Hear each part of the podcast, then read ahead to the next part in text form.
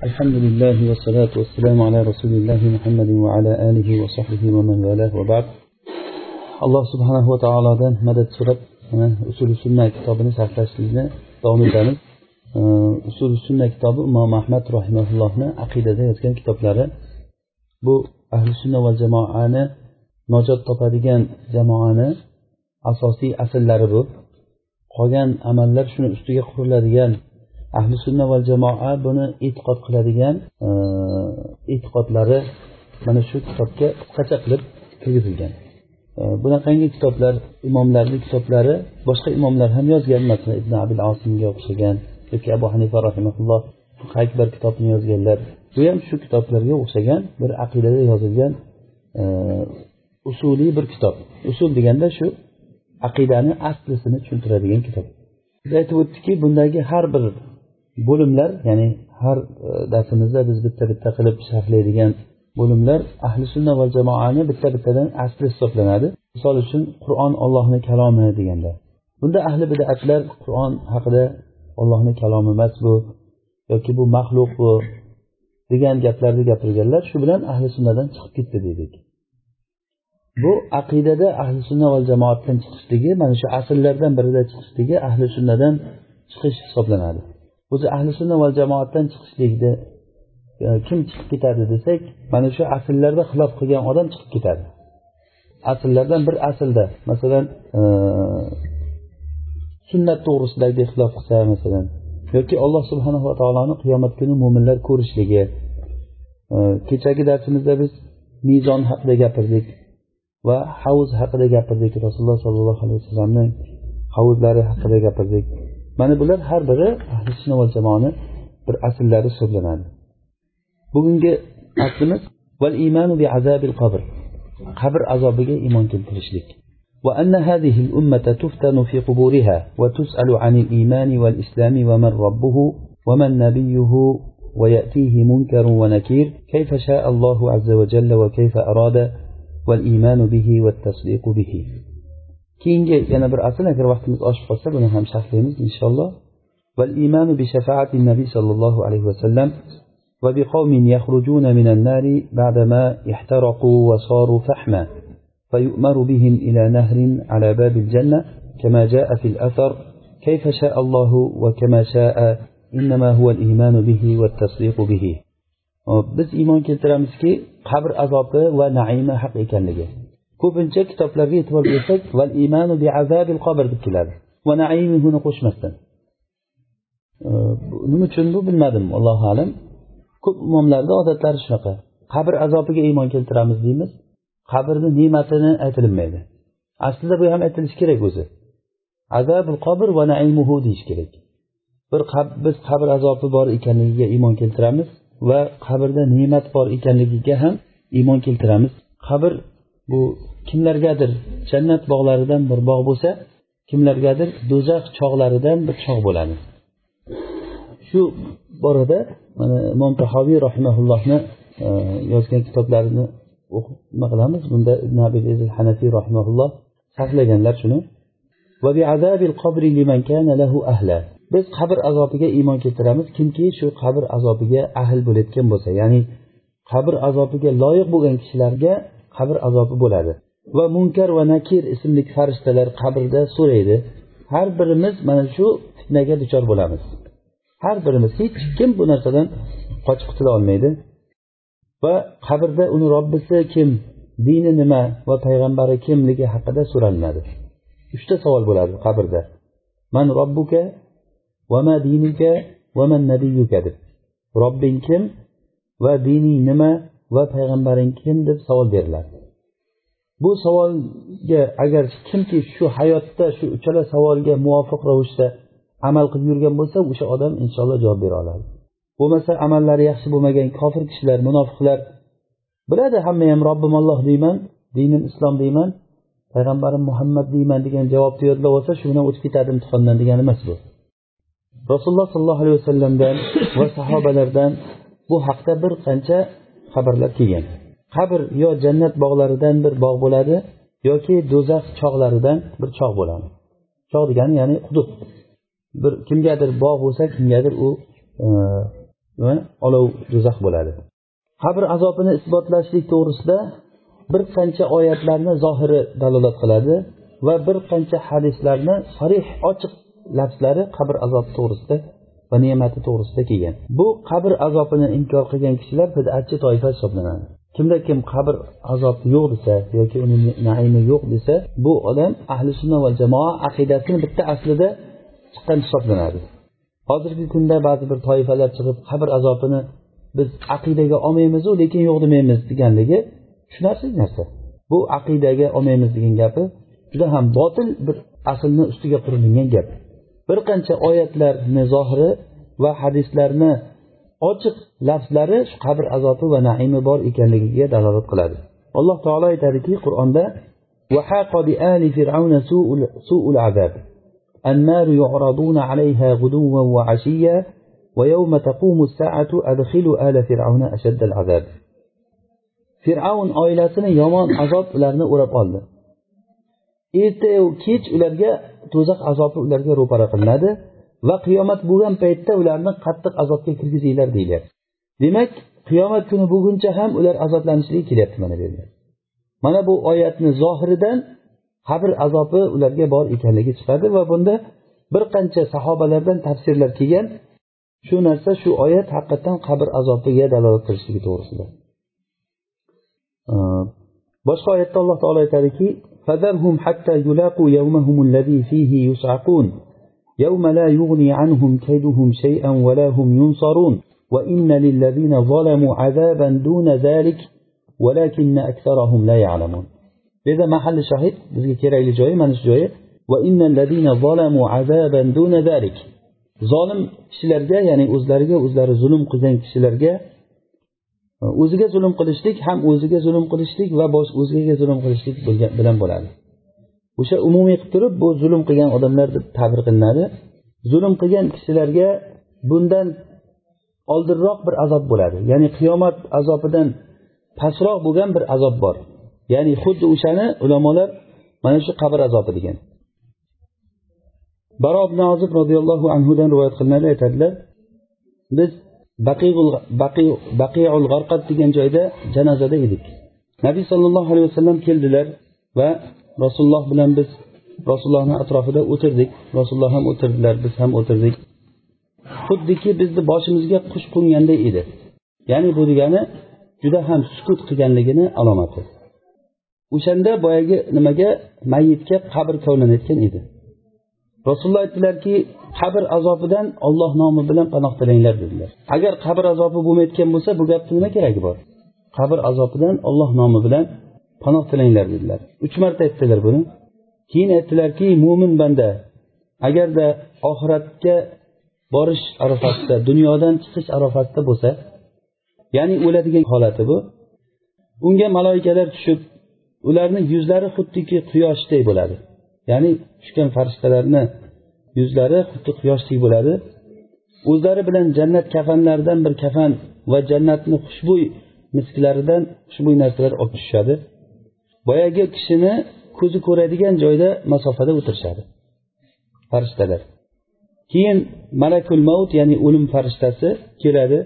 U kishini bosh tarafda o'tiradi va aytadiki ey xushbo'y nafs sen robbingni rahmat mag'firatiga va roziligiga chiqqin deb aytadi. Haligi nafs xuddiki idishni og'zidan suv quyilganday osonlik bilan odamni badanidan ruhi chiqib ketadi. Haligi ruhni olib birov ko'z ochib yumgunchalik ham o'zini qo'lida qo'ymasdan haligi farishtalarga uzatib yuboradi. Malakul mavt ruhni olib turib yonida kelgan farishtalarga uni berib yuboradi. Uni olib mana shu kafanga qo'yib kafanlashadi va mana bu xushbo'y narsani surtib unga kafanlashadi va undan yer yuzidagi eng yaxshi miskni hidi chiqib ketadi haligi kishidan. Keyin uni osmonga ko'tarib olib chiqib ketishadi ruhni osmondagi farishtalardan qaysi bir farishtani oldidan o'tishsa u farishta aytar ekanki farishtalar bu qanaqangi xushbo'y bir ruh bu. Juda ham hidlari bir go'zal hid chiqarib turganda shunday deyishsa aytishar ekanki bu faloncha o'g'li faloncha deb aytar ekan. Ya'ni shu dunyodagi eng yaxshi ismlari bilan ismlab aytishar ekan. Hattoki shu holatda uni osmonga olib borishar ekan.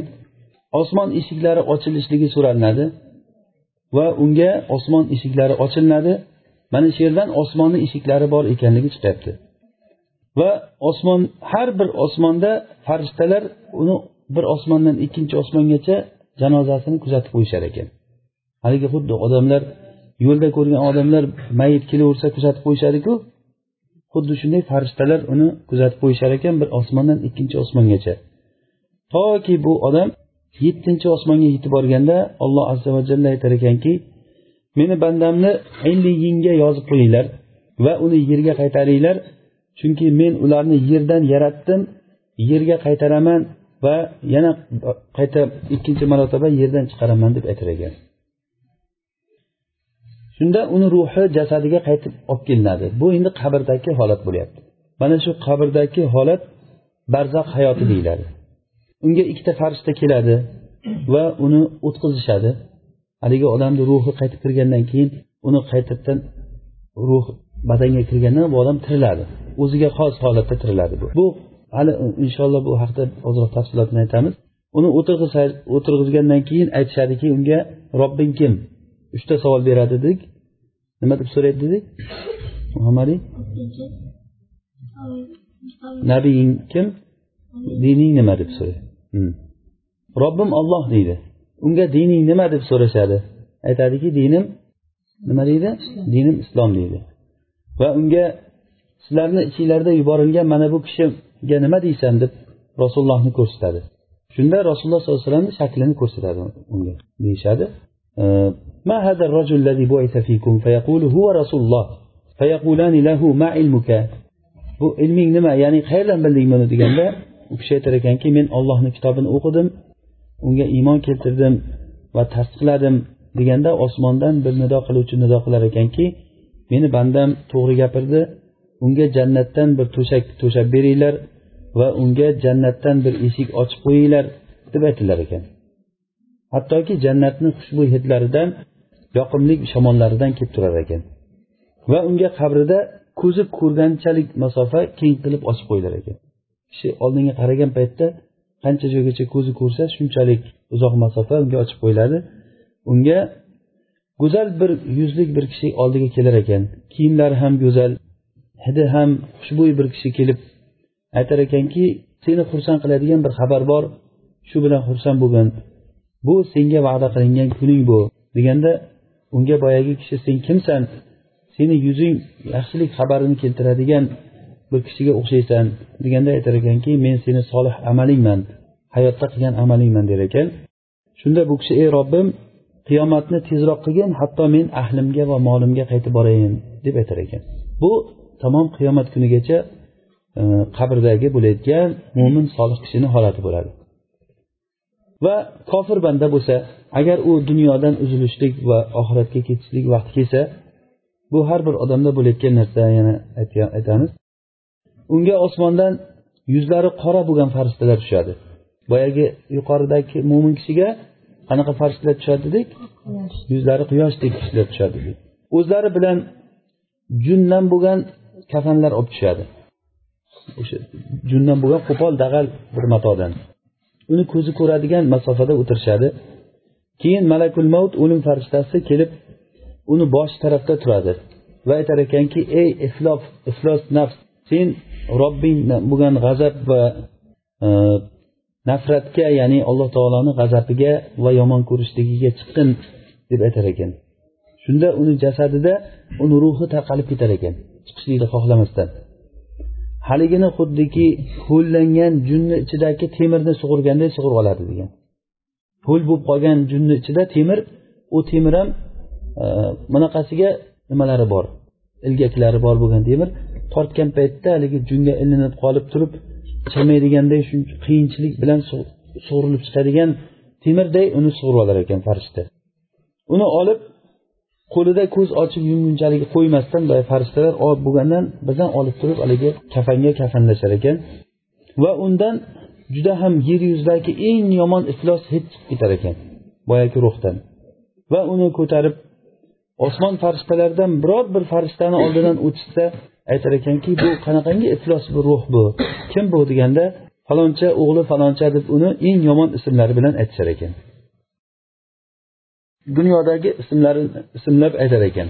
Hattoki uni dunyo osmoniga olib chiqqanda unga osmon eshigini ochilishligini so'ralganda unga osmon ochilmas ekan. Shunda rasululloh sollallohu alayhi vasallam mana bu oyatni o'qidilar. La tufattahu lahum sama. Ularga osmon eshiklari ochilmaydi. Va ular jannatga kirmaydilar. Hattoki tuya ignani o'tadigan ignani teshigidan tuya o'tmaguncha deyapti.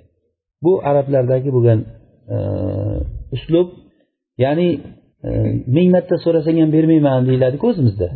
Bu degani ming bir marta so'rasang beraman degani emas bu yoki osmon uzilib yerga tushguncha bunday bo'lmaydi deydi. Ya'ni bu abadan bo'lmaydi degan muhal bo'lgan narsani gapirishlikdagi uslub. Tuya ma'lumki hech qachon ignani teshigidan tuya o'tmaydi. Hattoki ignani teshigidan tuya o'tguncha ular jannatga kirolmaydilar degani bular jannatga abadan umuman kirmaydilar degani. Shunda alloh subhanava taolo aytar ekanki uni kitobini sijjinga yozib qo'yinglar. Bu yerni eng tagidagi kofirlarni ro'yxati sijjin. O'shanga yozib qo'y. Illiyin eng osmondagi mo'minlarni jannatiy kishilarni ro'yxati. Kofirlarniki eng yerni tagidagi e, kofirlarni sijjin o'sha bir ruhlari turadigan joy degan ba'zilar sijjinni. O'shanga yozib qo'yinglar va unga ruhi o'sha joyga tashlab qo'yilar ekan haligini keyin o'qidilar rasululloh sollallohu alayhi vasallam mana shu haj surasidagi oyatni o'qidilar kimda kim allohga shirk keltiradigan bo'lsa go'yoki u osmondan qulab ketgan odamga o'xshaydi.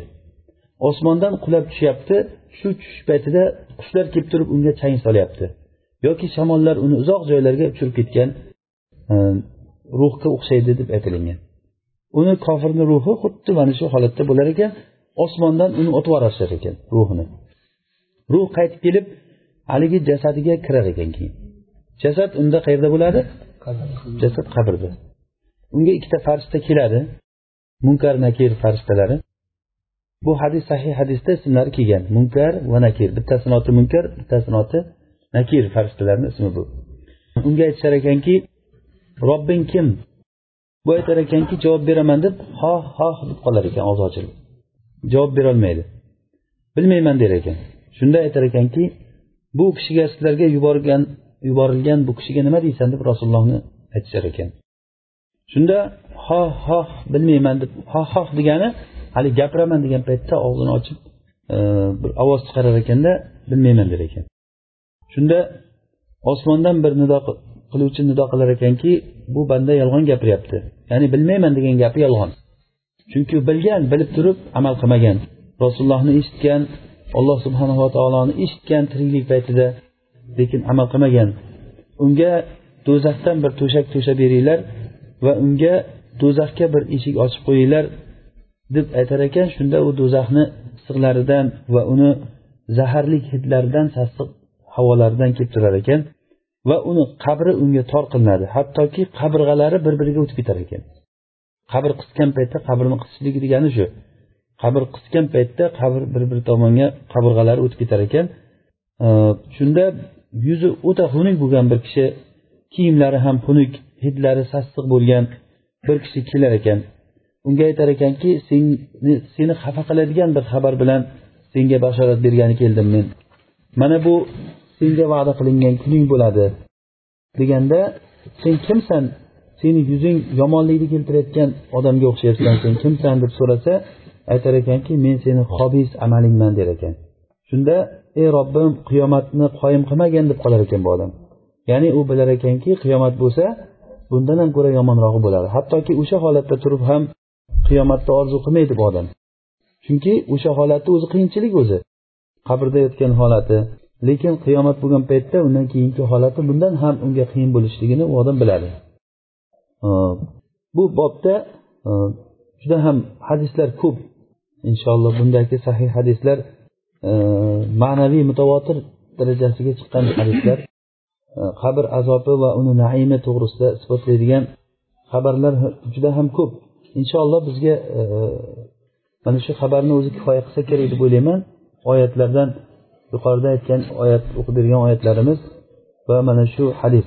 Yoki boshqa bir hadisda e, buxoriy rahimaulloh zikr qilgan hadisda o'z sanadi bilan anas roziyallohu anhudan rasululloh sollallohu alayhi vasallam aytdilar agar kishi qabrga qo'yilsa va uni ashoblari undan ketsa qabrdan u hali qabrga qo'yib ketganlarini oyoq kiyimlarini tovushlarini eshitib turgan holatida unga ikkita farishta keladi. Hali tashqarida ketayotganlarni ovozi oyoq kiyim ovozi eshitilib turadi qabrdagi kishiga. Uni o'tqizib turib unga mana bu kishiga nima deysan? deb muhammad sallallohu alayhi vasallamni aytishadi. Ammo mo'min bo'lsa aytadiki men guvohlik beraman bu kishi ollohni bandasi va rasuli deganda unga aytar ekanki seni mana bu do'zaxdan bo'lgan joying qaragin biz buni olloh subhanava taolo buni jannatdan bo'lgan joyga almashtirib qo'ydi. deb ikkalasini ham ko'rar ekan.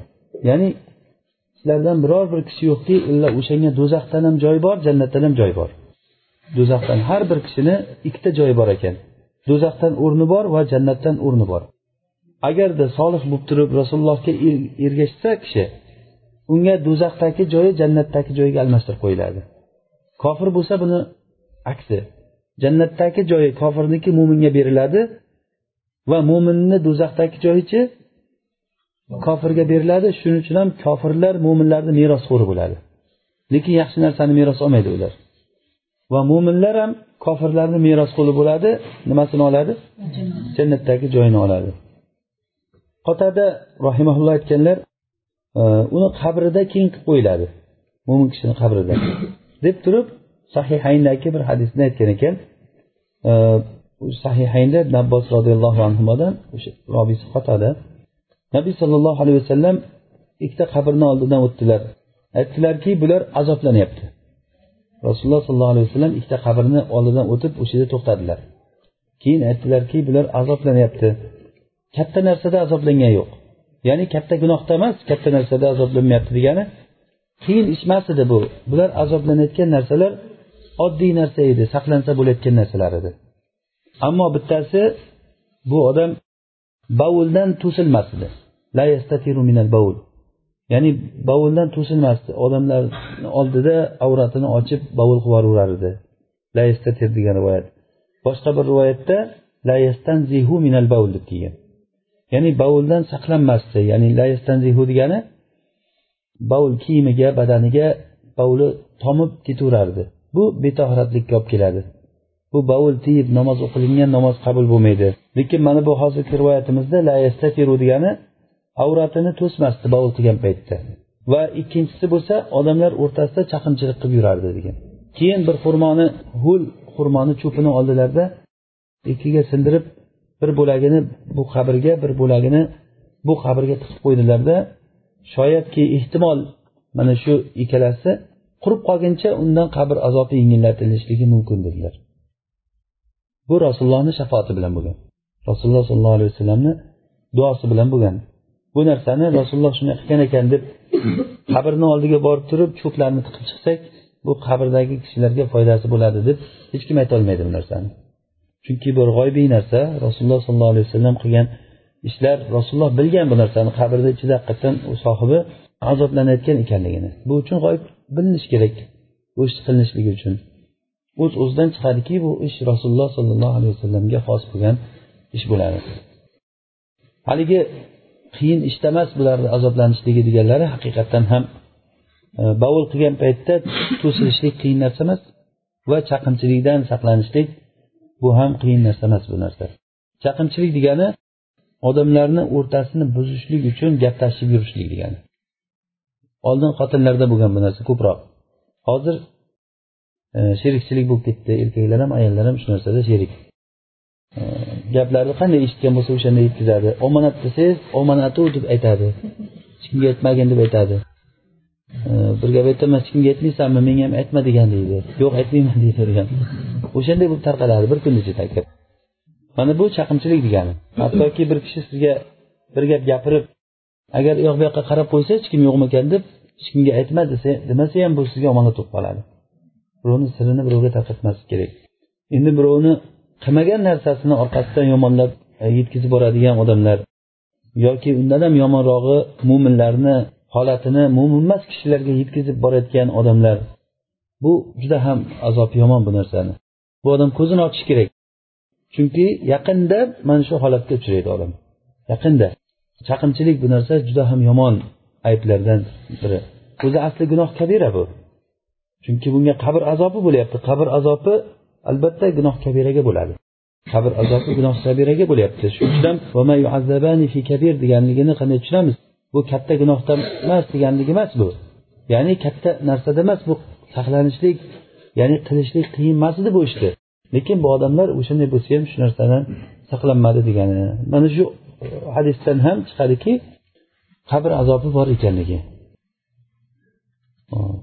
Bidatchi kishilar ba'zi bir iymonsiz odamlar qabr azobini inkor qildilar. Va ular aytishadiki biz qabrni ochib ko'rdik ba'zi qabrlarni. O'likni qanday qo'ygan bo'lsak o'sha turish turibdi deydi. Agar unga qabr azobi bo'lganda edi bu odam kafanlari yirtilgan haligi shakllari boshqacha holatda ko'rinishi kerak edi. Demak unga qabr azobi bo'lmagan deydi. Mana bu narsa g'oyibga iymon keltirmagan odamlarni gaplari bular. Biz albatta bu gaplar oyat hadislar mo'min odamlarga o'qib beramiz va mo'min odamlargina bundan foydalanadi. O'sha uchun ham alloh subhanava taolo qur'onni boshidagi surada alif la mim zalikal kitabu la royba fih hudan lil muttaqin dedi. Allazina yu'minuna bil g'oyb ya'ni bu kitob mana shu qo'limizdagi hozir sizlarga berilgan kitob unda shak shubha yo'q dedi alloh taolo. Har qanday kitob sohibi kitobini boshida muqaddima qilgan paytda uzr so'raydi. Meni bu kitobim xatolari bor agar xatolarimni to'g'irlasanglar aytinglar alloh rahm qilsin sizlarni ham meni kechirsin deb har bir muallifni odati kitobini muqaddimasida uzr so'rab muqaddima yozadi. Lekin alloh subhanava taoloni kitobi bundan mustasno. Alloh taolo kitobini boshida nima deyapti? Kitabu la royba fihi. Bunda shak shubha yo'q bu kitobda. Yana bo'lib ham bu kimga bu kitob? Hudan lil muttaqin. Bu kitob taqvodorlarga hidoyat. Hammaga emas bu. Taqvodor odamgina bu kitobdan foydalana oladi. U taqvodor odamlarni birinchi sifati nima? Alladina yu'minuna bil g'oybi g'oyibga iymon keltirayotgan odamlar deyildi. Birinchi sifati. Demak mana shu dinda kelgan bizga kelgan oyat va hadislar kimga foyda beradi? Faqatgina faqat iymonlik oxiratga iymon keltirgan g'oyibga iymon keltirgan odamlarga taqvodor odamlarga foyda beradi bu narsa. Ana shu qabr azobini va naimini inkor qilgan odamlar ular moddiy kishilar. Ya'ni moddiy kishilar degani faqat ko'zi ko'rgan narsalarga ishonadigan odamlar. Bizdan bu jaholatni ketkazishlikka yordam berayotgan bir aqliy narsani aytamiz. Insonda ikkita narsa bor badan va ruh bor. Va ruhni badanga bo'lgan taalluqi ya'ni bir biriga qo'shilishligi besh xil holatda bo'ladi. Besh xil holatda. Birinchisi onani qonida paytda kishi onani qonida paytida tirik bola masalan hali tug'ilishlikdan oldingi tirik bola o'shanda ruhi bormi? Unda ruhi bor to'rt oylik bo'lgan paytda unga ruh beriladi dedik. Va badan bor ruh bor lekin o'sha ruh badanga qanday qo'shilgan? O'ziga xos qo'shilgan. U bola onani qonida narsani eshitmaydi suvni ichida turadi. Ovqat yemaydi ovqatlari boshqacha holatda yeyiladi. Uni fikrlashligi qanaqa bo'ladi? Haligi bolani hech narsani gapirmaydi. O'sha holatda u qanday uxlaydi qanday uyg'onadimi u? Mana shu holatdagi o'ziga xos bo'lgan holati bor. Bu onani qonida. Ikkinchisi mana shu dunyoga kelgan paytdagi hozir bizni holatimiz. Hozir har birimizda ruh bor. Ruh bu badanni ichidagi narsa. U qanaqangi narsa hech kim bilmaydi uni. Olloh biladi uni kayfiyati qanaqa ekanligini. Lekin biz aniq bilamizki ruh borligini. Bu ruh chiqib ketsa o'lim degani mana shu ruh badandan ajralishligi degani o'lim degani. Ruhni badandan ajralishligi nima degani? O'lim degani bu. Endi bu ruhni badanga bo'lgan taalluqi xuddiki allohu alam agar o'xshatish joiz bo'lsa elektr toki bor tok simni ichidagi tok simni ichida qanday zaryadlar yuradi masalan? Buni biz tasavvur qila olamiz agar ko'zimiz ko'rmasa ham. Agar simni ichida tok bo'lmasa u simni hech qanday o'zini kuchini berolmaydi. Tok kelgandan keyin zaryad kelgandan keyin u simni ushlasangiz keyin uradi. Agar tok bo'lmasa urmaydi. O'sha elektr zaryadlari ruh bo'layotgan bo'lsa haligi simni o'zi badanga o'xshaydi. Odamdan badan badandan ruh chiqib ketsa hech qanday harakatlana olmaydigan bir go'sht suyak mana shunaqangi narsa odam o'zi aslida. Odam qon bilan go'shtdan tashkil topgan agar tashlab qo'ysangiz uch kundan keyin bu odamni oldiga birorta inson kira olmaydigan bir narsa bo'lib qoladi inson. Insonday sassiq narsa bo'lmaydi agar sassa agar hidi chiqsa bu odamni bu odamni turpoqqa ko'mishdan boshqa iloji yo'q. Shuning uchun ham alloh subhanava taolo marhamat qilib aytgan shu narsani deb. Insonni alloh taolo o'ldirib uni qabrga tiqdi degan. Qabrga tiqishlik katta bir ne'mat bu narsa.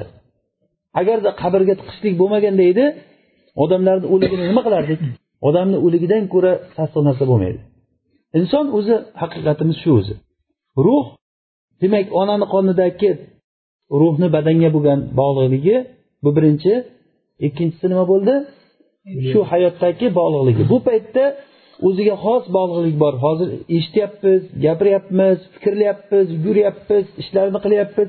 Bular hammasi ruh bilan bo'lyapti. hozir mana shu o'tirganlarimizni hammamiz agarchi jasadlarimiz har xil bo'lsa ham lekin ruhlarimiz bir biriga yaqin ruhlar bir birini shunday taniydigan odamlar rasululloh aytdilarki al arvahu junudun mujannada فما تعارف منها ائتلف وما تناكر منها اختلف ruhlar bir biriga xuddi askarlardek o'xshaydi askarlar bir birini tanisa urush maydonida bir birini jang maydonida bir biriga ziyoni bermay bitta to'daga qo'shilib bir birini taniydi. Agar bir birini tanimasa bir birini urib ketishi mumkin aralash mo'min kishilarni ruhi xuddi shunday bo'ladi. O'sha uchun ham mo'min kishini siz dunyoni narigi burchagida bo'lsa ham bir ko'rishsangiz xuddi ilgari ham shu odamni ko'rganday bir sizda qalbingizda o'sha odamga nisbatan muhabbat paydo bo'ladi. Mana bu ruhlarni bir biriga yaqinligidan. Uchinchi taalluqi ruhni uxlagan paytdagi badanga taalluqi. Ya'ni bog'liqligi. Hozir uxlaysiz. Uxlagan paytingizda sizni ruhingiz chiqadi sizdan. Lekin u chiqishligi o'lim paytidagi chiqishlik emas bu o'ziga xos bo'lgan chiqishlik. Siz uxlab yotasiz sizni ruhingiz kabada namoz o'qib turgan bo'ladi. Kabada namoz o'qib keladi. O'sha uchun ham ba'zi bir tolib ilmlar bomdodga uxlab qolsa bir malomatlamang u balkim kabada namoz o'qib o'qimayotgandir o'zi yotibdi yoki bo'lmasa bunday qarasangiz juda maza qilib uxlab yotgandek ko'rinadi ko'zizga maza qilib uxlab yotgandek ko'rinadi lekin u rosa azoblanib yotgan bo'lishi mumkin. Ruhi. Bir kishi kelib turib uyg'otib yuborsa shu uyg'otgan paytda ruh joyiga qaytib kiradi. Qanday lekin allohu alam buni? Bu narsani allohu alam men bitta narsaga o'xshatar edim mana shu elektr chirog'ini nuri. Hozir chiroqdan nur chiqqan paytda qanday hamma joyni egallab olyapti? Shuni o'chirgan paytda nur qanday tezlik bilan shu yerga kirib ketadimi shu yoqqa yo'qib qoladimi shu narsani hech tushunmaysiz odam. Lekin buni hammamiz isbotlaymiz buni. Chunki ko'ryapmizda yo'qni bo'lmaydi hamma jinni deydi. Lekin qanaqaligini tushunmaymiz buni. Har qanday bo'lsa shunday deb qo'yamiz keyin. Buni ham o'shanday deyishimiz kerak. Qanday bo'lsa shunday. O'sha uxlagan paytdagi ruhni badanga bo'lgan taalluqi o'ziga xos bo'lgan taalluq. Bu paytda inson o'zi bir joyda yotib uni ruhi butun dunyoni osmonlarga chiqib hamma joyga aylanib keladi. Hayoliga kelmagan joylarga borasiz. Juda katta tezlikda. Kabada maza qilib tavof qilib turgan joyingizda tur deb birov turg'izib yuborsa tur mana ish qolib ketdi deb turib meni yaxshi narsadan qoldirding deysiz keyin. Ana shu holatni tushunamiz bu narsani. To'rtinchi holati qabrdagi holat. Qabrga kirgan paytda o'sha uni ruhi badanidan o'lgan paytda hozir o'qib bergan hadisimizda farishta kelib turib ruhni sug'urib oldi. Osmonga olib chiqdi keyin osmondan yana qaytib tushdi. Mana shu ruhi qabrga kelib turib bu odamga kiradi. Badaniga mana shu bo'lgan taalluq badan chirib ketishi mumkin. Lekin o'sha chirib ketgan badanga ham ruh taalluq topib turadi. Azoblangan paytda ham ruhga ham badanga azob bo'ladi. Ahli sunna va jamoatni aqidasi shu bobdagi aqidasi azob va naim qabrda ham ruhga ham badanga ikkosiga ham bo'ladi deyiladi. Ba'zi bir toifa kishilar ibn hazm rahimaulloh bulardan ruhga bo'ladi faqat degan ekan. Azob faqat ruhga bo'ladi. Ibn hazm ahli sunna va jamoatdagi imomlardan u kishi ham zohiriya mazhabini boshchisi bu kishilar azob faqat ruhga bo'ladi degan.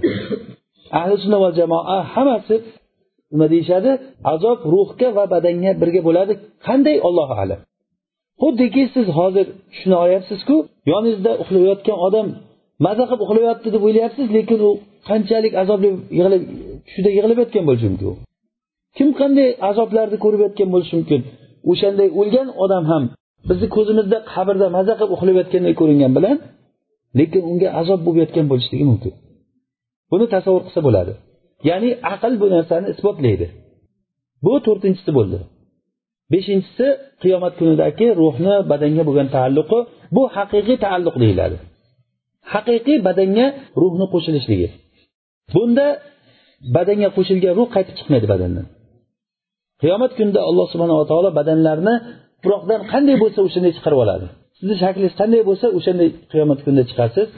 Yalangoyoq yalang'och bosh yalang holatda va o'sha olatini avratidan kesilgan joyi yoshligidagi joyiga qaytib kelgan bo'lgan holatda har bir odam. Mana shu badanlarga ruhlar qaytib kirib alloh taolo ularni qaytaradi. Bu qaytishlik bir qancha oyatlarda sobit bo'lgan dinimizda zarurat bilan sobit bo'lgan narsalar.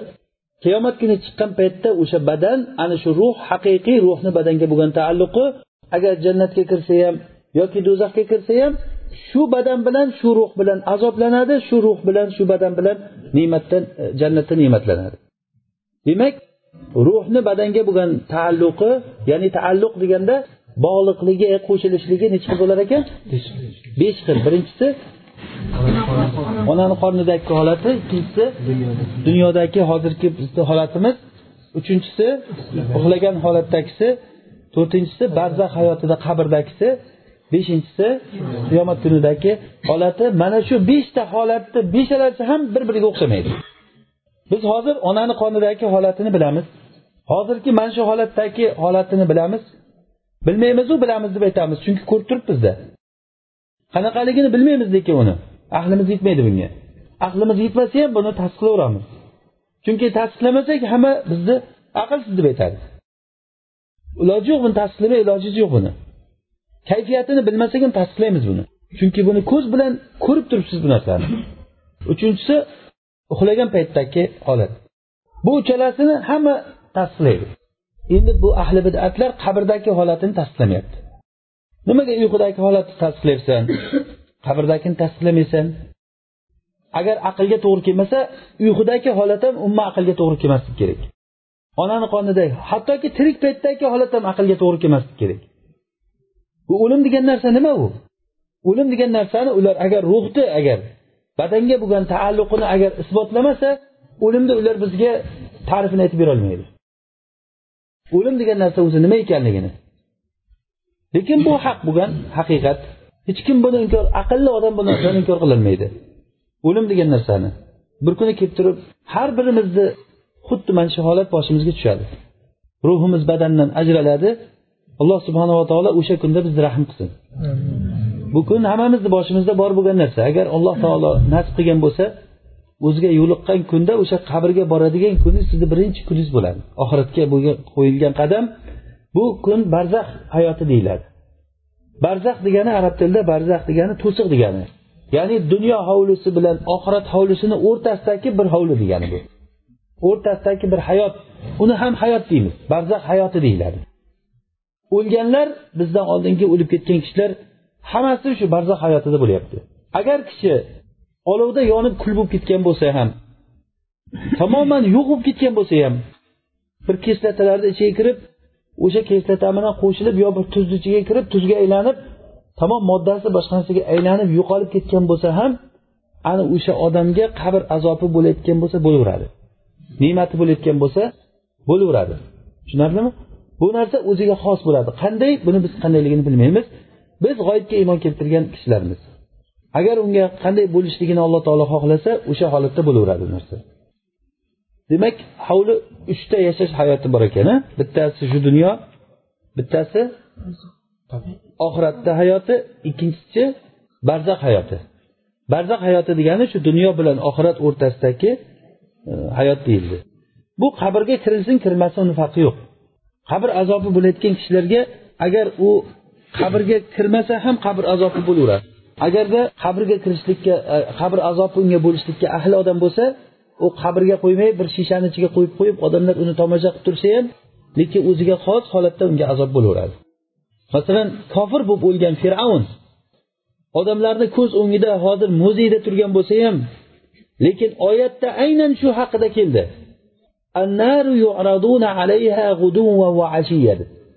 Fir'avn haqida keldi shu oyat.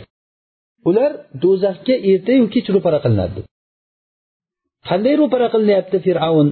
Uni jasadi kuyib ketmayaptimi? U ollohu alam. Bir kofir kishi qabrga qo'yilsa agar qabr unga do'zax tog'laridan bir chog' bo'lsa shu qabrini ochsak agar uni ichi guvillab olovga to'lib yonib yotgan bo'lishligi shart emas u. Chunki biz unga iymon keltirganmiz. Bizni ko'zimizga agar ko'rsatib qo'yilganda edi o'sha narsa bizni g'oyibga bo'lgan iymonimizni foydasi bo'lmay qolaydi. Rasululloh sollallohu alayhi vasallam aytdilarki agarda sizlar bir birlaringni agar dafn qilmay qo'yishliklaring bo'lmaganda edi men qabr azobidan o'zimga eshitgan narsani sizlarga ham duo qilardim eshittirilardi degan ekanlar ya'ni rasululloh sollallohu alayhi vasallam qabrda bo'layotgan azoblarni eshitganlar. Shuning uchun ham bo'lsa kerak vallohu alam. Rasululloh aytdilarki agar men bilgan narsani sizlar bilganlaringda sizlar juda ham kam kulib ko'p yig'lardinglar deganlar. Mana bu narsa bizni ko'p johilligimizdan bo'ladi. Bundan ham ajablanarog'i ikkita odam bitta qabrga qo'yilsa ikkita odam bitta qabrga qo'yilsa bittasi agar qabr azobiga haqli bo'lsa bittasi qabrni naimiga haqli bo'lsa ikkalasi yonma yon yotgan bo'lgan holatda ham boyagi mo'min kishiga qabr kengaytirilib qo'yilib jannatni hidlaridan shamolidan kelib turadi kofirga do'zaxni shamolidan kelib turadi qabr uni qisadi o'sha holat unga bo'ladi shunga iymon keltiramiz biz. Lekin uni kayfiyatini olloh biladi. Qanday holatda bo'ladi uni kayfiyatini olloh biladi. Biz o'sha uchun ham g'oyibga iymon keltirgan mo'minlar bo'ldik. Ana o'sha mo'minlarga bu kitob foyda beradi.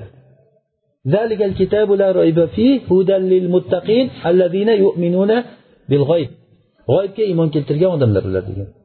Demak g'oyibga iymon keltirishligimizni bittasi bu o'limdan keyingi qabr hayotiga iymon keltirishligimiz bo'ladi. Qabr azobi bo'lishligi uchun albatta qabrga kirishligi shart emas. Tushunarlimi? Agar baliqni qonida bo'lsa ham yoki takror aytamiz haligi muzeyda yotgan bo'lsa ham odamlarni ko'zicha bu odamga qabr azobi bo'lishi kerak bo'lsa qabr azobi bo'laveradi biz mana shu narsaga iymon keltiramiz. Mo'minlarni ruhlari chiqib ketgandan keyin uni qayerga boradi? Mo'minlarni ruhlari chiqib ketgandan keyin qayerga boradi? Ibn qayim rahimaulloh ruh degan kitoblarida bunga qariyb bir o'ttiz betcha joy ajratib shu haqda gapirgan. Bu narsani menimcha jamlangan holatda boshqa joydan topmaysiz. Mana shu kitobda juda batafsil berilgan. Ruhlar qayerga boradi? Ba'zilar aytgan ruhlar e, kofirlarni ruhlari yamandagi bir e, quduq bor o'shanga boradi. Barahud degan mo'minlarni ruhlari illiyinda bo'ladi kofirlarniki sijjinda bo'ladi ba'zilar u yoqda bo'ladi ba'zilar bu yoqda bo'ladi. Har kim eshitgan narsasini aytgan. Allohu alam bundagi yaxshiroq gap olloh biladi. Bizga xabarlar qanday kelgan bo'lsa shunday tasdiqlayveramiz ba'zi bir ruhlar bor qabrlar atrofida aylanib yuradi degan. Ba'zi bir ruhlar bor ular o'sha jannat bog'larida qush bo'lgan holatda uchib yuradi bu shahidlarni ruhlari. Ikki xil rivoyatda kelgan. Ba'zi rivoyatlarda yashil qush holatda jannat mevalaridan yeb uchib yuradi degan ba'zi rivoyatda o'sha qushlarni ichida uchib yuradi deyilgan. Ikkalasi ham bir biriga teskari emas bu. Ba'zi ulamolar buni jamlagan. Qushni ichidagi kishini qush deb ta'bir qilingan desa ba'zilar bu amaliga qarab agar kimda amali kuchli bo'layotgan bo'lsa u qushni ichida o'tirib rizqlanib yursa ba'zilari qushni o'zi bo'lib turib uchib yuradi bu ruhlar har xil amaliga qarab har xil holatda bo'laveradi deyilgan. Ba'zi kishilarni ruhlari qabrda o'sha ne'matlanib o'sha qabrda yotgan joyida xuddi uxlagandek qabrdan jannatga eshik ochib qo'yilib shamolidan jannatni hidlaridan kelib turgan holatda ne'matlanib turadi. Nima bo'lganda ham alloh subhanava taolo o'zi najot bersin qabr azobidan. Bu hammamizni boradigan joyimiz. Bugun bo'lmasa ertaga ertaga bo'lmasa indin lekin bir kuni keladi umrimizni tugagan joyi bo'lgan paytda u ajalni tugashligi sizni birov o'ldirishligi yo kasal bo'lishligingiz yo boshqa boshqa narsaga bog'liq emas bu narsa. Ajalni tugashligi shunday yo'l kelib turib yo'l to'xtab qolganda gap buyog'i jarlik. Yo'l yaxshi katta yo'l hech bir mushkula yo'q u yo'lda. Lekin tugab qoldi u yo'l.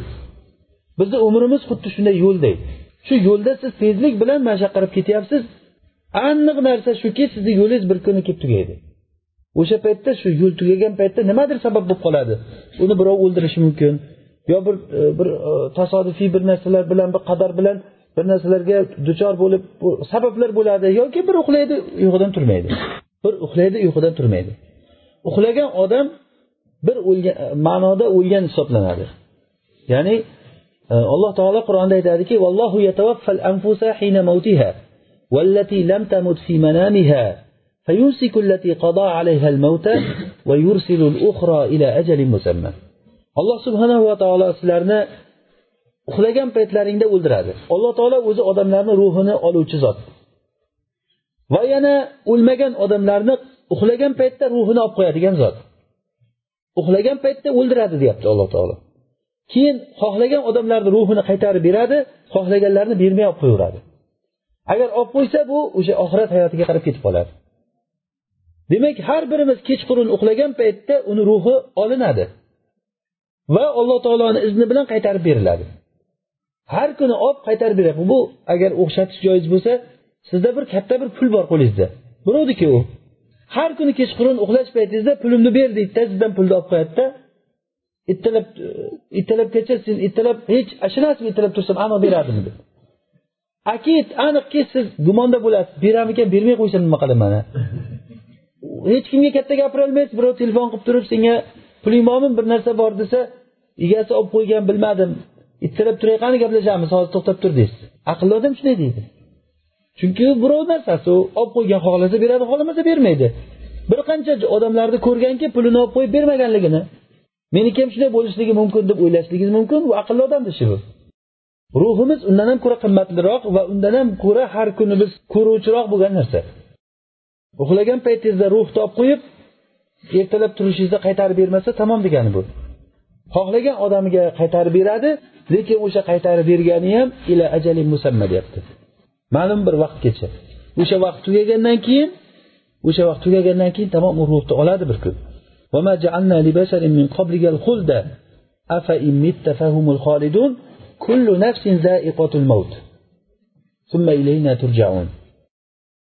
Agar siz biror bir sizdan oldingi deyapti rasulullohga sizdan oldingi hech bir kishiga biz mangulikni qilmadik. Ya'ni hech kim mangu bo'lmadi. Har bir odam o'lib ketdi. Qancha qancha kuchli odamlar qancha qancha pahlavon zabardast odamlar. Bizdan oldingi qavmlar samud qavmi ot qavmi ming yillab yashagan odamlar bo'ldi. Lekin o'sha ming yil yashashligi ularga hayotda foyda bermadi. Shunchalik quvvatli odamlardiki ular agar tog'ni bir joyda shunday ko'rsa o'ynab bir qasr yasab qo'yaverardi.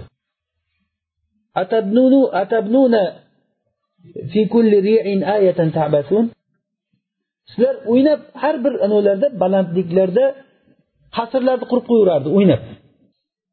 Nima? O'ynab o'sha alomatlarni o'ynab o'ynab qasrlarni qurib qo'yaverasizlar degan. Shunchalik katta gavda berilgan ularga. O'lim degan narsa bo'lmagan. Yaylovda chorvalari juda ham bir go'zal suratda yurgan yursa farzandlari o'yinga chiqqan paytda ertalablari qarasangiz bir ajoyib bir ko'rinish bo'lgan. Yosh bolalari ham baquvvat baquvvat kelishgan qizlar o'g'illar bolalari ham ko'p bo'lgan o'zlari ham baquvvat bo'lgan. Alloh taolo bu haqda qur'onda aytadiki biz sizlardan oldingi kishilarni molda ham gavdada ham sizlardan ustun qildik degan. Lekin ularni mollari ularni gavdalari qutqarib qololmadi bu narsa bizga berilgan vaqtinchalik bir omonat narsa. Bizni gavdamiz ham go'shtimiz ham ollohniki ruhimiz ham ollohniki alloh taoloni omonatimiz biz. Shuning uchun ham bir o'lim bo'lsa inna lillahi va inna ilayhi rojiun deymiz. Biz ollohnikimiz bir birimizga eslatamiz. Allohga biz qaytib boramiz bir kun. Hammamiz ham bu dunyoga vaqtinchalik kelgan bu dunyo oxiratni ekinzori kimdir bu hayotda ko'proq ekinzordan ko'proq tijoratda foyda qiladi. Kimdir bo'lsa shu hayotni o'zini ziddiga aylantirib butun katta bir azobni egasi bo'lib ketadi alloh asrasin. Ba'zi ruhlar e, o'sha bu nima hozirgi darsimiz bunga e, nima torliq qiladi vaqtimiz. E, ruhlar haqida gapirsak ularni mustaqar boradigan joylari haqida gapirsak. Ba'zi ruhlar rasululloh sollallohu alayhi vasallam aytganlar men sohiblaringni ko'rdim jannatni eshigida turgan ekan kirolmasdan qarzi borligi uchun degan. Qarzi bor odamlar ruhlari o'sha mahbus bo'lib turgan holatlari bo'ladi. E, Allohu alam. Agar kim xohlasa bu narsada o'sha ibn qayim rahimaullohni ruh degan kitoblari bor. E, shunda mustaqarrul arvah degan bob bor ruhlarni turadigan joylari o'lgandan keyingi ruhlarni borayotgan joylari deb bizni hozir iymon keltirgan narsamiz shuki ruhlar o'lgandan keyin ruhlar. Hozirgi boya aytgan hadisimizda osmonga olib chiqib ketilinadi. Mo'min bo'lsin kofir bo'lsin osmonga olib chiqib ketilinadi. Va mo'min bo'lsa illig'inga uni nomi yozilib o'zini yana qaytadan jasadiga olib kelib qabrda keyin qilib ochib qo'yiladi. Kofir bo'layotgan bo'lsa otib yuboriladi u birinchi osmondan o'zi osmon ochilmaydi unga. Otib yuboriladi u kelib tushib yana jasadiga kiradi va unga qabr azobi bo'ladi o'sha joyda. Toki qiyomat kunigacha. Allohu alam.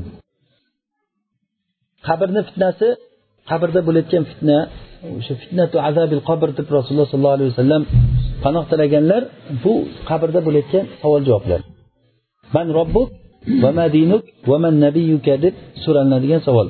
Alloh subhanava taolo mana shu kunda mo'min bandalarni sobit qadam qilar ekan.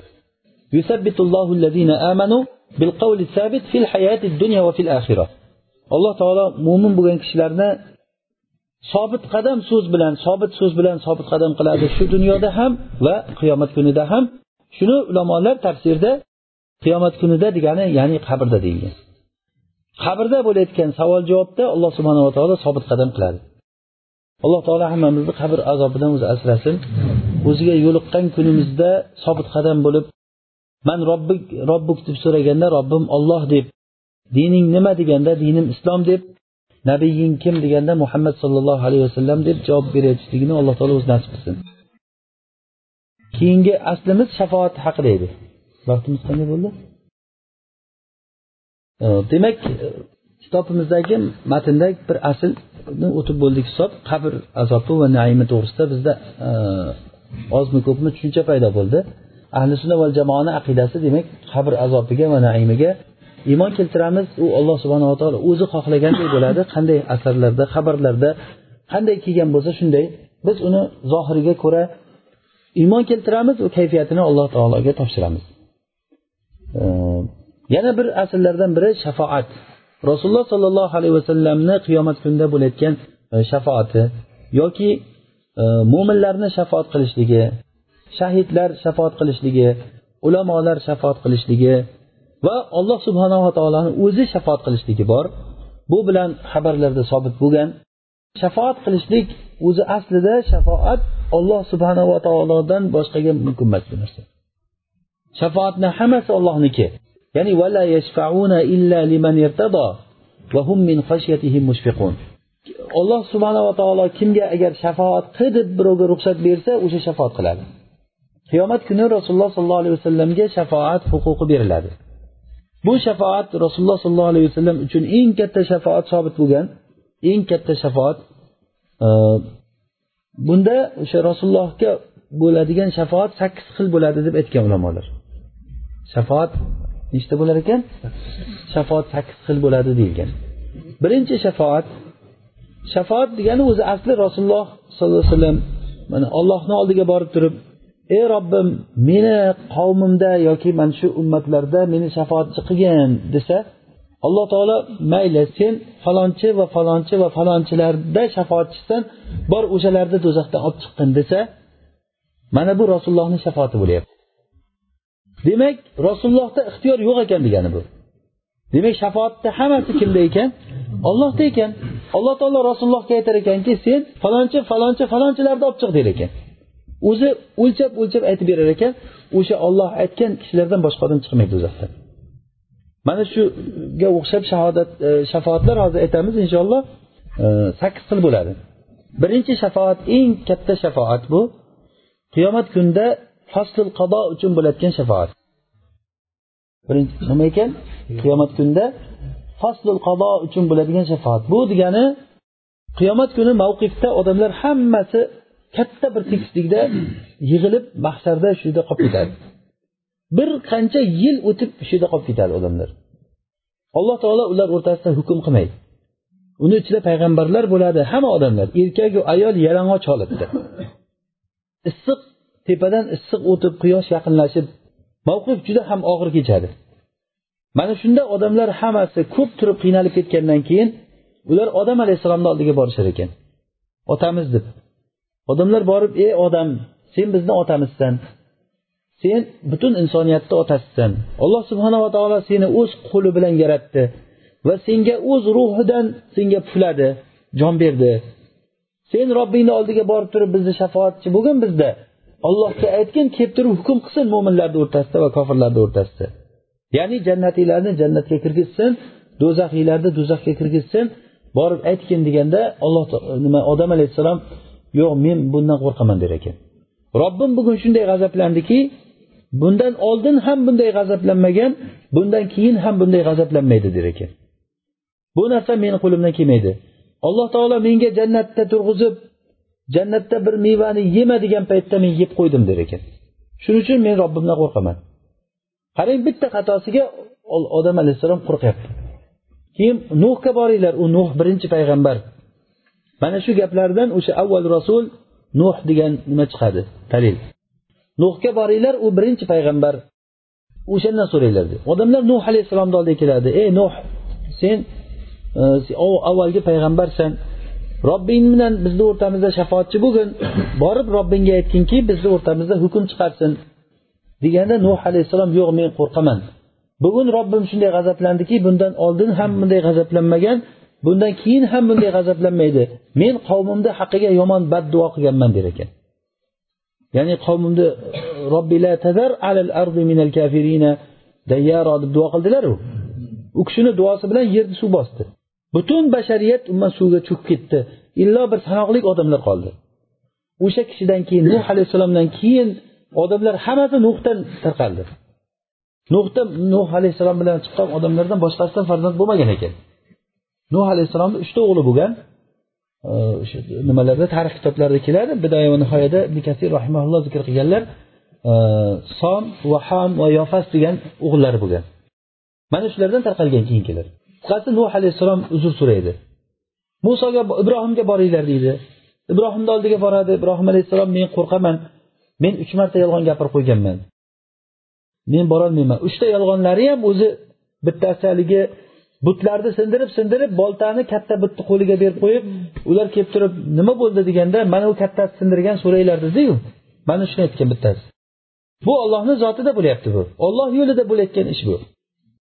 Ikkinchisi ular bayram o'zi birinchisi o'sha bo'ladi. Ular bayramiga ketayotgan paytda kofirlar yur biz bilan deganda men kasalman degan. O'zi asli to'g'ri gapirgan gaplari kasalligi qalbim kasal sizlarni qilayotgan ishlaringdan. Meni bu ishlar bilan qilayotgan ishlaring menga ma'qul emas degan ma'noda. Lekin o'shani ham yolg'on deb qabul qilganlar o'zlariga. Bittasi shu ikkinchisi bu uchinchisi haligi fir'avnni oldiga borganda xotini haqida so'ralganda bu kim deganda bu singlim degan.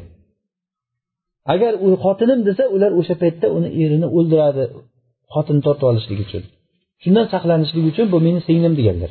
Mana shu uchta yolg'onimni eslab men bu ishni qilolmayman musoga boringlar. Alloh taoloni kalimi olloh tanlab olgan payg'ambar u musoni oldiga kelganda muso alayhissalom uzr so'raydi. Men bir odamni urib o'ldirib qo'yganman. Payg'ambar bo'lmagan holatda himoya qilishlik uchun bir urib haligi odam o'lib qoladi. Himoyalanishlik uchun urgan odami bir urushda o'lib qoladi. Shu bilan uzr so'raydi. Keyin iso alayhissalomni oldiga keladi bular. Iso alayhissalom ham uzr so'raydi lekin men falon ishni qilganman gunoh qilganman deb aytmaydi u kishi. Keyin rasululloh sollallohu alayhi vasallamni oldiga kelishadi. Rasulullohga sen xotamin nabiysan oxirgi payg'ambarsan sayyidul basharsan deb odamlar shafoatchi bo'lgin deganda rasululloh men qilaman bu ishni deganlar. Ana laha deganlar. Men qilaman deb turib o'shanda e, rivaul hamdni ko'tarib arshni oldiga borib sajda qilaman. O'sha paytda sajda qilgan paytimda menga alloh taolo bir hamdlarni o'rgatadi uni hozir aytolmayman deganlar. Hozir bilmayman uni. O'sha paytda o'rgatadi olloh shunda alloh taolo aytar ekanki ey muhammad boshingizni ko'taring so'ralar sizga javob beriladi. So'rang nimani so'rasangiz beramiz. Nima demoqchisiz? der ekan. Shafoatchi bo'ling mayli shafoatchi qilamiz sizni. Nima demoqchisiz? deganda ey robbim odamlar o'rtasida hukm qilgin der ekan. Odamlar o'rtasida hukm qilgin deganda alloh taolo bo'ldi men boraman der ekan. Men boraman deb rasululloh sollallohu alayhi vasallam yana odamlarni oldiga qaytib kelar ekan. Kayfiyati allohga ma'lum qanday borgan qanday kelgan o'shanda alloh subhanava taolo keyin odamlar o'rtasida hukm qilishlik uchun keladi degan. Oyatidagidek. Mana bu birinchi shafoat. Bu shafaatul uzma deyiladi. Eng katta shafoat. Bu nima uchun ekan shafoat? Faslul qado uchun. Ya'ni arabcha aytsak faslul qado alloh taolo qiyomat kunida odamlar o'rtasida ajrim qilib jannatiylarni jannatga do'zaxiylarni do'zaxga o'tib hisob kitob qilishni boshlash uchun shafoat qilinadi. O'sha mavqifda bo'lmasa bir qancha ming yillab u yerda qolib ketishlik juda ham og'ir bo'ladi odamlarga. Mana shu holatdagi shafoat eng katta shafoat hisoblanadi. Bu eng kattaligi butun bashariyat uchun bo'ladi shafoat. Bu odam alayhissalomdan boshlab qiyomatgacha bo'lgan hamma odamlar uchun rasululloh sollallohu alayhi vasallam o'sha paytda shafoatchi bo'lyaptilar. Shuning uchun ham bu shafoatni otini nima deb ismladik shafaatil shafaatul uzma. Shafaatul uzma. Eng katta shafoat nima uchun bo'ladi dedik? Odamlar o'rtasida hukm qilishlik uchun. Birinchi shafoat bu. Tushunarlimi? Ikkinchi shafoat rasululloh sollallohu alayhi vasallam shafootlari yaxshiligi bilan yomonligi odamlarni teng bo'lib qolgan odamlarni yaxshilik bilan yomonligi tarozisi teng bo'lib qolgan odamlarni rasululloh shafoatchi bo'lib jannatga kirib ketishligi ya'ni ular asli o'zi jannatga kirishga haqqi yo'q. Jannatga kirish uchun yaxshilik tomoni og'ir bo'lishi kerak. O'sha og'ir bo'lmasdan teng bo'lib qolganda rasululloh sollallohu alayhi vasallam shafaatlari bilan ular jannatga kirib ketiladi. Bu ikkinchisi. Yozadiganlar bo'lsa yozinglar bo'lmasa miyaga yozyapsizlar endi. Hop uchinchisi do'zaxga kirishlikka hukm chiqarilgan odamlar hali do'zaxga kirmasdan turib o'sha yerdan jannatga olib kirib ketishlik. Mana bu ham rasululloh sollallohu alayhi vasallam shafoatlari bo'ladi. Demak birinchisi nima bo'ldi? Fasl qado uchun. Ikkinchisi uchun? Ikkinchisi? Eng teng yaxshilik bilan yomonligi teng bo'lib qolgan odamlarni jannatga kirishlik uchinchisi do'zaxga hukm qilingan odamlarni hali do'zaxga umuman kirmasdan turib jannatga o'tkazib ketishlik bo'ladi. To'rtinchisi jannatga kirgan odamlarni darajasi ko'tarilishlikda shafoatchi bo'ladilar. Jannatga kirgan odamlarni jannatda darajasini ko'tarilishligi uchun shafoat qilinadi. Mana bu to'rtinchisi bo'ldi. Yana takrorlaymizmi? Qani? Birinchisi nima ekan? Shafoatul uzma. Katta shafoat ya'ni bu nima uchun bo'ldi? Odamlar o'rtasida hukm qilishlik uchun. Ikkinchi shafoat yaxshilik bilan yomonlik teng bo'lib qolgan odamlar. Bularni jannatga kirib ketishlik. Uchinchisi do'zaxga hukm qilingan odamlar. Hali do'zaxga kirgani yo'q lekin o'sha joydan jannatga o'tkazib ketishlik. To'rtinchisi jannatga kirgan odamlar darajasini ko'tarilishligi uchun. Beshinchisi jannatga hisob kitobsiz kiradigan odamlarda rasulullohni shafaatlari bu rasululloh sollallohu alayhi vasallam aytganlar ukashani hadisda hammamiz eshitganmiz ummatimdan yetmish mingta odam bor jannatga hisob kitobsiz kiradi deganlar. U ham shafoat bilan bo'lar ekan. Yetmish mingta odam hisob kitobsiz jannatga kiradi. Ukasha aytdilarki rasululloh duo qiling ukasha mehson degan kishi. Ey rasululloh duo qiling men ham shulardan bo'lay deganda anta minhum deganlar siz o'shalardansiz degan. Yana bir kishi turib ey rasululloh meni ham duo qiling deganda bu ukasha sendan oshib ketdi degan. Agar unga ham duo qilsalar boshqasi turib men ham men ham masjid ahlini hammasiga duo qilish kerak bo'ladi o'sha joyda rasululloh sollallohu alayhi vasallam mavzuni yopdilar. Ukasha o'tib ketdi dedilar bu narsada demak o'sha yetmish mingta odam jannatga kirishligi. Oltinchisi jannatga haqli e, do'zaxga azobga haqli bo'lgan odamlarni do'zaxiy bo'lgan odamlarni azobini kamaytirishlik jannatga kirmasa ham. Bu bunga misol abu tolib misol bo'ladi. Abu tolib rasululloh sollallohu alayhi vasallamga juda ham ko'p yaxshilik qilgan odam. Shunda rasulullohdan so'raldiki rasululloh sizni amakingiz abu tolib sizga ko'p yaxshiliklar qiluvdi. Sizga bir unga bir foyda bera oldingizmi? Deganda foyda berdim. Lekin meni foydam uni do'zaxni to'ridan uni do'zaxni eng soya joyiga olib chiqib qo'yildi degan. O'shanda ba'zi rivoyatlarda to'pig'igacha azobda turibdi ba'zi rivoyatlarda oyog'ini tagiga ikkita cho'g' qo'yib qo'yilgan. O'sha bilan miyasi qaynab turar ekan. Bu do'zaxni eng yengili bu. O'sha rasulullohga qilgan yaxshiliklari uchun do'zaxni eng chuqur joyidan eng soya joyiga olib borib qo'yilyapti. Bu abu tolibga xos deydi ba'zi ulamolar buni. Ba'zi aksar ulamolar bu narsa rasulullohni abu tolibga xos bo'lgan shafoati boshqa kofirlarga shafoat yo'q deydi.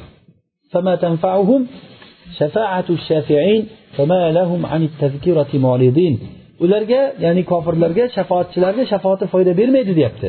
O'sha oyat bilan mana buni qanday jamlaymiz deganda ulamolar aytishadiki hozir oyatda aytyapti qarang ularga shafoatchilarni shafoati foyda bermaydi deyapti kofirlarga.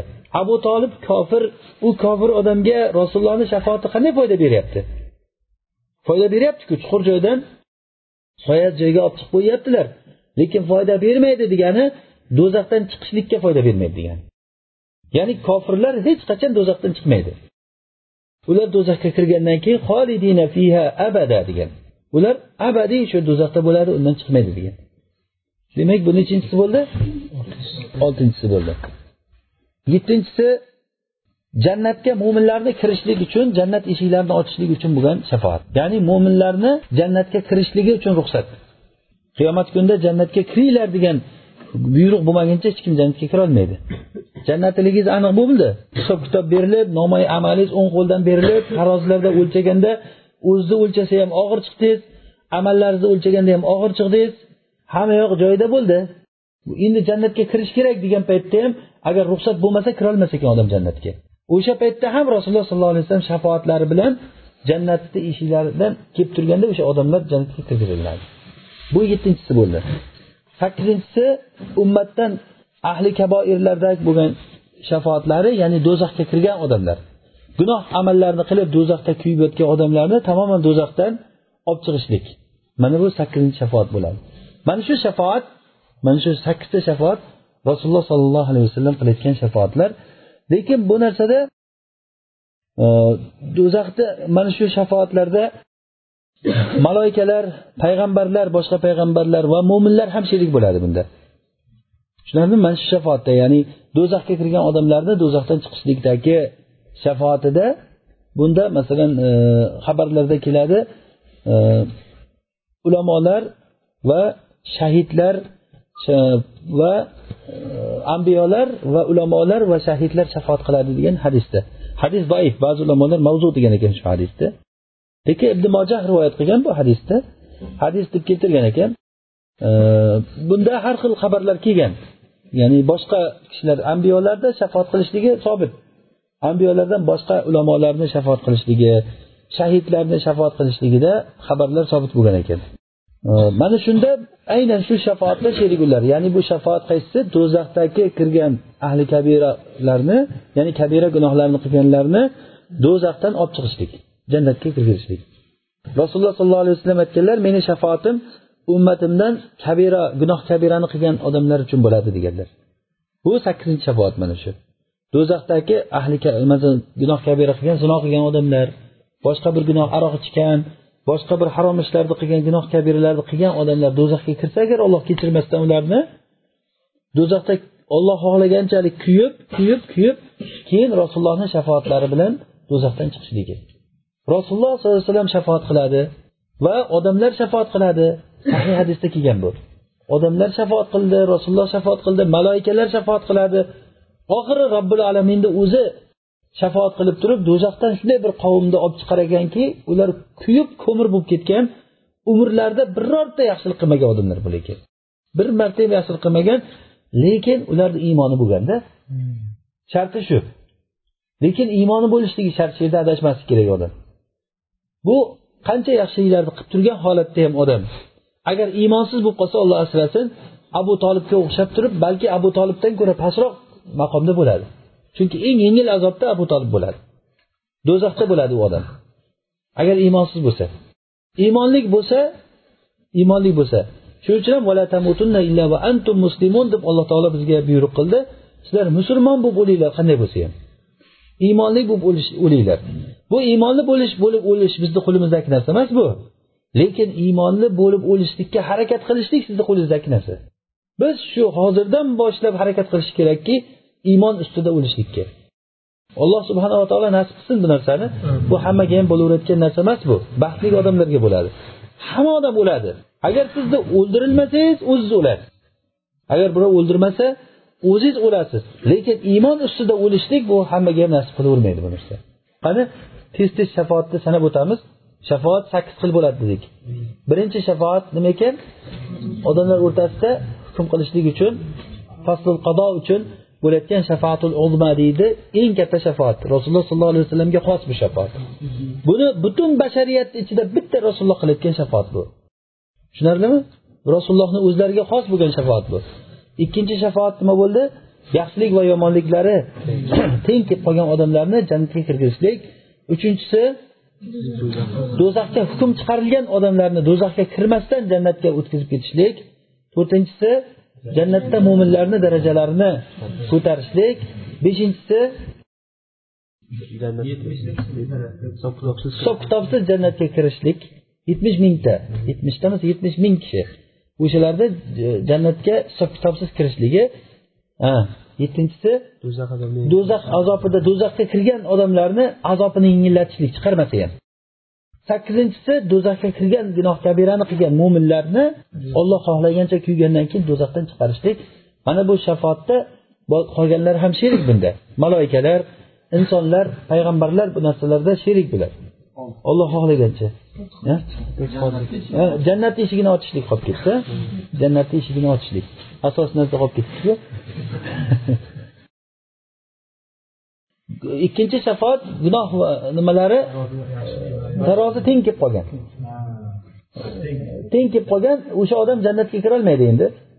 Shafoat bilan jannatga o'tib ketadi degani bu shafoat deganda o'zi demak e, rasululloh sollallohu alayhi vasallamga xos bo'lgan shafoat nima? Shafaatul ug'ma bu katta shafoat butun bashariyat ichida rasulullohdan boshqa odam qilolmaydigan shafoat bu rasululloh sollallohu alayhi vasallamga berilgan maqomil mahmudni shunday deb ham aytilinadi biz har azon aytilgan paytda duo qilamizku.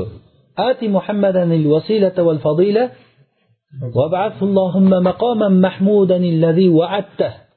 sen va'da qilgan maqomi mahmudni u kishiga bergin deb so'raymiz. Maqomi mahmud ulamolar aytishadiki ana shu shafoat maqomi mahmud degan. Bu o'rin rasululloh sollallohu alayhi vasallamni butun bashariyat maqtaydigan o'rin. Hamma odam muhtoj bo'lib turgan holatda odam alayhissalom va boshqa payg'ambarlar qilolmagan ishni rasululloh sollallohu alayhi vasallamga huquqi berilishligi rasulullohga o'sha kuni hamma maqtab aytadi. Ana o'sha uchun ham bu kishini ismlari muhammad. Butun odamlar o'sha kuni bu kishini maqtaydi. Demak maqomi mahmud bunga ikkita odam haqlik. Men va ibrohim haqlik bunga deganlar. Va men bo'lishligimni umid qilaman deganlar. Menga shu shafoatni so'ranglar degan. Ati muhammadanil vasilata val fadila va ba'athullohumma o'sha o'zing va'da qilgan maqomi mahmudda u kishini tiriltirgan o'sha joyga qo'ygin deb so'raymiz kimki shunday qilib duo qilsa azon aytilgandan keyin unga meni shafoatim tushadi deganlar. Bu shafoatni biz rasulullohdan so'ramaymiz. Shafoatni odamlardan so'ramaymiz. Shafoat faqatgina ollohdan so'ralinadi. O'zi biz aytdiku shafoatni dalillarni hammasiga qarasak qiyomat kuni bo'lgan paytda rasulullohga sen falonchi falonchi falonchilarni shafoat qilgin desa o'shalarga shafoatchi bo'ladi. Bu faqatgina rasulullohni mahmud ekanligini ko'rsatishdan boshqa narsa emas bu. Rasulullohni sharafini ko'rsatishlik bu. Lekin bu rasulullohni sharaflari rasulullohni sharaflari iymonsiz odamlarga amali yo'q odamlarga foyda bermaydi bu narsa. Shuning uchun ham rasululloh aytdilarki ey fotima o'zlarini qizlari fotimaga aytganlar. Amal qilgin. Men senga olloh tarafidan hech narsa foyda berolmayman deganlar. Ya fotimatu i'mali fa inni la ughni anki minallohi shay'a. Men sendan olloh tarafidan bir narsa qilolmayman. Amal qilgin deb aytganlar. O'zlarini eng yaxshi ko'rgan qizi fotimagaki shunday deganlaridan keyin boshqa odamlar endi nima qilish kerak endi? Har bir odam haligi bizda gap boru echki o'z oyog'idan osiladi deb bu haq bo'lgan gap oyatlar hadislarni ma'nolari bular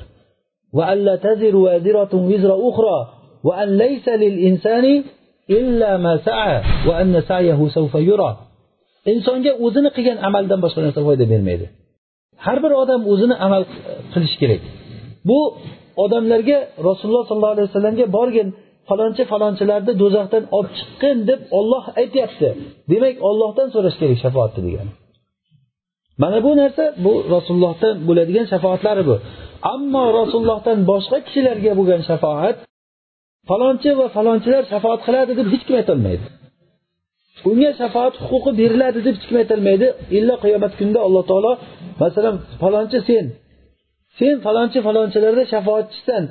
Sen uchun mana shu odamlar mani o'tdi jannatga desa siz xursand bo'lasiz men shunchalik ollohni huzurida sharafim bor ekan deb va mana bu odamlar ham alloh taologa hamd aytadi. Bizni qutqardi do'zaxdan deb.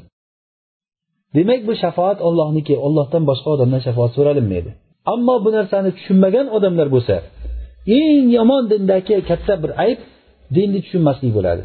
Biz ta'lim talaba ilm shuning uchun ham bizga farz. Dinimizni o'rganishligimiz kerak.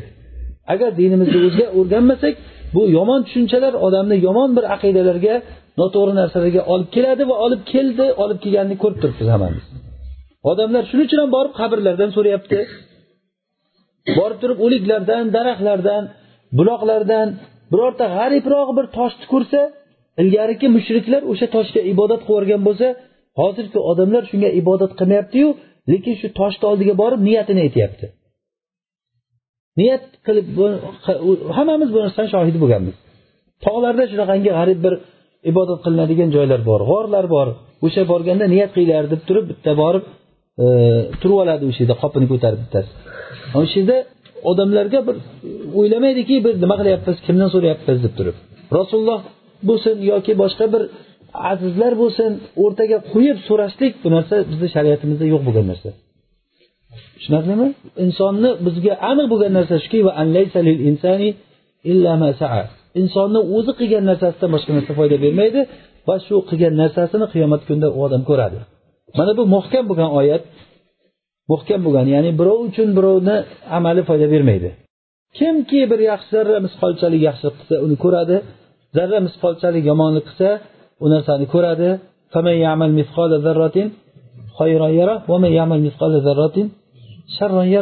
Kim yaxshilik qilsa ham o'ziga yomonlik qilsa ham o'ziga yaxshiligini ham yomonligini ham jazosini o'zi oladi. Hop bundan keyin o'sha olloh nomi bilan qasam ichishlik ollohdan boshqalarni qo'yib qasam ichishlik bu mavzu bizga e, hozir kerak emas. E, demak bugungi nimamizga shu yetadi inshaalloh shafoat deganda e, biz rasululloh sollallohu alayhi vasallamni shafoatlarini isbotlaymiz va rasulullohdan boshqa payg'ambarlar maloikalar solih kishilarni shafoatlarini isbotlaymiz. Lekin qanday isbotlaymiz? Bu narsa alloh taoloni roziligidan keyin bo'ladi.